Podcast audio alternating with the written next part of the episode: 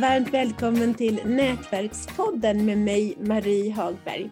Och idag så har vi en gäst och nu ska vi se om jag kan uttala hans namn. Massimiliano Francé Schmalenbach. Ja, men det tycker jag var jättebra. Ja, det var jättebra. Tack så mycket för att jag får vara med Marie. Jätteroligt. Tack själv. Och nu, från och med nu så kommer jag kalla dig för Massimo. Och så slipper du vricka tungan. Vem är du? Jag är eh, en man som har en lång erfarenhet inom, inom finanssektorn, både i Sverige och även i eh, Luxemburg. Som eh, på senare tid börjat, vad ska jag säga, expandera mina sysslor och det ena har lett till det andra och nu ska jag här senare i vår ge ut min debutroman som kommer utspela sig eh, till stora delar i finansvärlden. Så eh, ja, det var väl en liten kort, kort summering av vem jag är. Gud vad spännande. Hur kom du in ja. i finans? Det var egentligen av en ren slump. Efter gymnasieåren, nu är vi i mitten av 90-talet, då, så pluggade jag matte matte och fysik på Stockholms universitet och började under vissa kvällar i veckan jobba extra på dåvarande OM-gruppen som var en del av Stockholms fondbörs på den tiden med administrativa pysslor. Och sen efter min kandidatexamen då var jag osäker på egentligen vad jag ville pyssla med och så samtidigt erbjöds jag en fast tjänst där på OM och ja, även där ledde det ena till det andra och efter en kort tid då fick jag erbjudande om att börja på Nordnet, den här nätmäklaren som då var helt, helt nystartad. Så var jag med där i ett tidigt skede. Kul! Ja, och sen dess blev jag kvar egentligen då i, i den branschen. Då. Ah. Ah. Ja, så det är lustigt hur, hur, hur eh, det kan slumpa sig ibland. Ja. ja, hur kom du på idén att skriva en bok då? För den handlar om finansbranschen. Ja, det var, det var egentligen för ungefär ett och ett halvt år sedan så eh, jag har de senaste mm, nio åren eh, suttit och framför allt daytradat på, hemma på kammaren egentligen då, på börsen. Och det blir ju ganska ensamt bitvis. Så då började jag dela en tradingdagbok på Instagram under ett, på, på ett Instagramkonto helt enkelt. Som eh, på något sätt växte och kom att bli ganska många följare. Då för att göra någonting mer över det så började jag ibland liksom skriva av mig bara lite grann i, i liksom självterapeutiskt syfte. Så delade jag gamla anekdoter från förr, liksom under min tid, eller från min tid som anställd. Och jag hade inte riktigt fattat kraften i sociala medier, men det blir ju sån omedelbar respons eh, med tanke på att det går att kommentera och så där. Då fick jag många, mycket, väldigt mycket omedelbar feedback som att Åh, det här var ju superintressant. Det här vill vi höra mer om. Du måste skriva en bok och vi längtar näst, redan till nästa avsnitt så att jag började skriva på söndagarna då i någonting jag kallade det för Sunday Stories och så skrev jag av mig och det var ingen som kände mig som följde mig då på den här tiden, vilket gjorde att jag kunde bli väldigt, väldigt fri i mitt berättande. Och eh, sen snappades det där upp av en förläggare som ville ge ut någonting med mig och då kom vi överens om att göra det i att det skulle bli romanform och där är vi nu. Nu är det korrläsning och eh, ja, snart har vi release här om, ett, eh, ja, om, om knappt två månader. Så det känns, ja, det känns fortfarande overkligt faktiskt. Men otroligt roligt. Ja, ja. Otroligt kul. Vad handlar boken om? Den handlar om en ung kille som ja, väldigt otippat och eh, också av en slump halkar in i finansbranschen.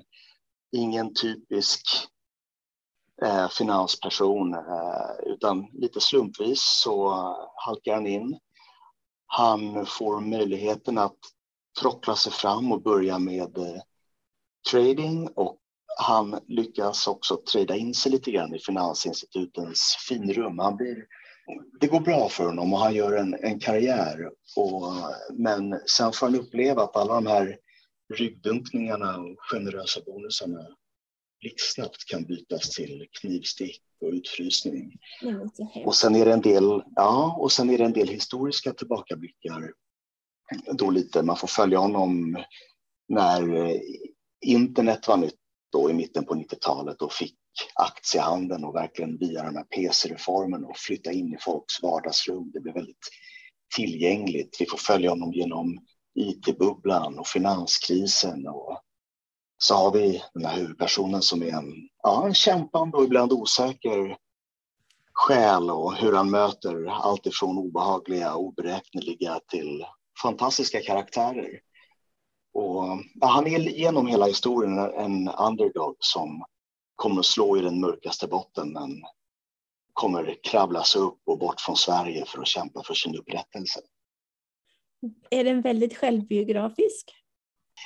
Ja, ja, det finns inslag naturligtvis äh, av det. Jag, som de flesta författare antar jag så är det att man gräver där man står. Och, äh, så det finns ju väldigt mycket inspiration från egna erfarenheter. Men som sagt, det är en roman så, så äh, det är lite kryddor här och lite kryddor där kan man säga.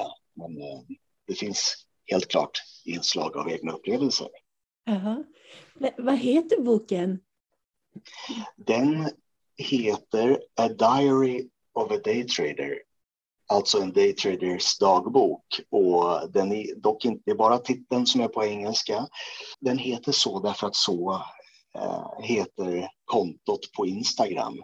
Därmed då, och får det hänga med eftersom det har blivit en, en nej men det är väl det som liksom folk känner till av de som följer mig helt enkelt. Då. Så, att, um, det är superbra. Så därför får den heta så. Ja, och det, jag tycker också att det, jag menar, hade, det, det är ändå skrivet lite grann nu. Det skulle kunna vara lite dagboksanteckningar så jag tycker att det passar bra. Ah, ah, ja, det får hänga med helt enkelt. Vem vänder sig boken till? Vilken är målgruppen? Den vänder sig till egentligen en väldigt bred målgrupp. Eh, den är inte skriven på något sätt att man behöver ha några förkunskaper om eh, aktiemarknaden, börsen eller värdepappershandel eller, eller finansbranschen. Utan eh, Eh, det är klart att det innehåller en del eh, branschspecifika ord, men jag kommer lägga till en liten, en liten ordlista som förklarar i ett eh, appendix. Men annars så, ja det var väl också faktiskt en erfarenhet av det här med sociala medier när jag fick testa mina texter på folk och, och insåg att det tilltalade allt ifrån eh, börsintresserade gymnasie ungdomar och uppåt till äh, även äldre som upplevde liksom hela hur internet kom att revolutionera aktiehandeln och de som var med redan innan dess. Och även, ja, såväl män som kvinnor. Jag har, äh, det finns lite, lite kryddor i den här romanen som, som gör att jag, jag hoppas kunna tilltala som sagt både män och kvinnor. Men eh, jag skulle säga att den är väldigt bred.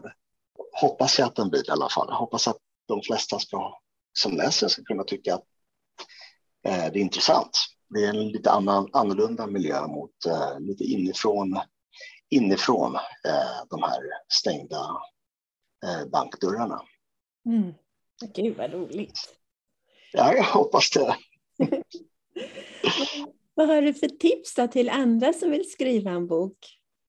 Det, då skulle jag nog vilja säga att eh, man inte ska underskatta sina egna erfarenheter och sin egen berättelse. För det var ju någonting som jag verkligen gjorde. Jag hade ingen aning om att andra skulle finna min berättelse som intressant.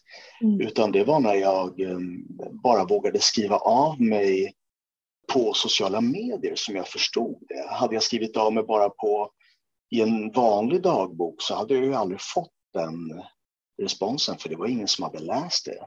Jag tror alla sitter på sin egen berättelse och egna erfarenheter och även om man då som sagt inte tror det så finns det alltid skulle vilja säga folk som vill ta del av den. Någonting som hjälpte mig det var ju att jag skrev inför folk som inte kände mig och då kunde jag bli liksom mycket friare i mitt skapande och behövde inte hålla igen och kunde ta ut svängarna så fick jag en väldigt så här mer objektiv och rak feedback. Det var ingen som behövde tänka på att hålla igen på någonting för att de skulle typ såra mig för att de... Ja. Så det, det var...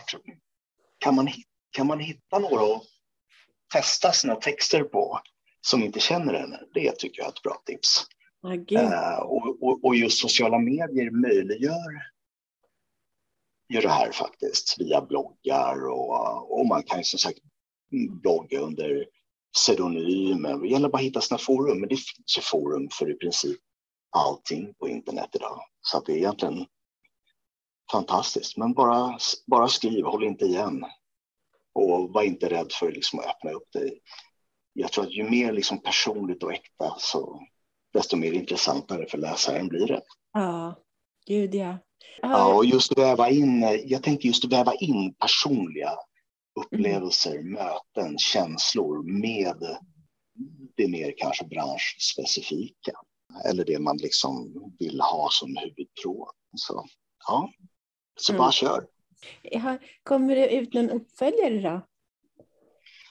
Ja, alltså jag har ehm, det, det kände jag ju nu när jag skrev att, att eh, dels har jag mycket mer eget att berätta men sen när jag lärde känna romanformen lite, att, att kunna, kunna sväva iväg, eh, så, så finns det plötsligt massor med mer att berätta och, så länge någon vill läsa vidare så kommer jag fortsätta att skriva. Det vore fantastiskt roligt, eh, verkligen jättekul.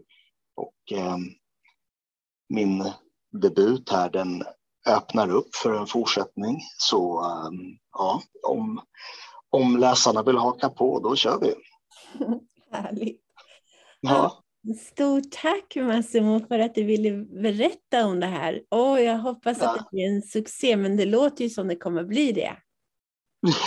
Ja, det, vore, det vore så himla kul bara om många vill liksom läsa och ta del av det och att folk finner det intressant. Så eh, Marie, det var otroligt roligt att få vara med i din podd. Jag är så glad för det. du är så gullig. Tack snälla.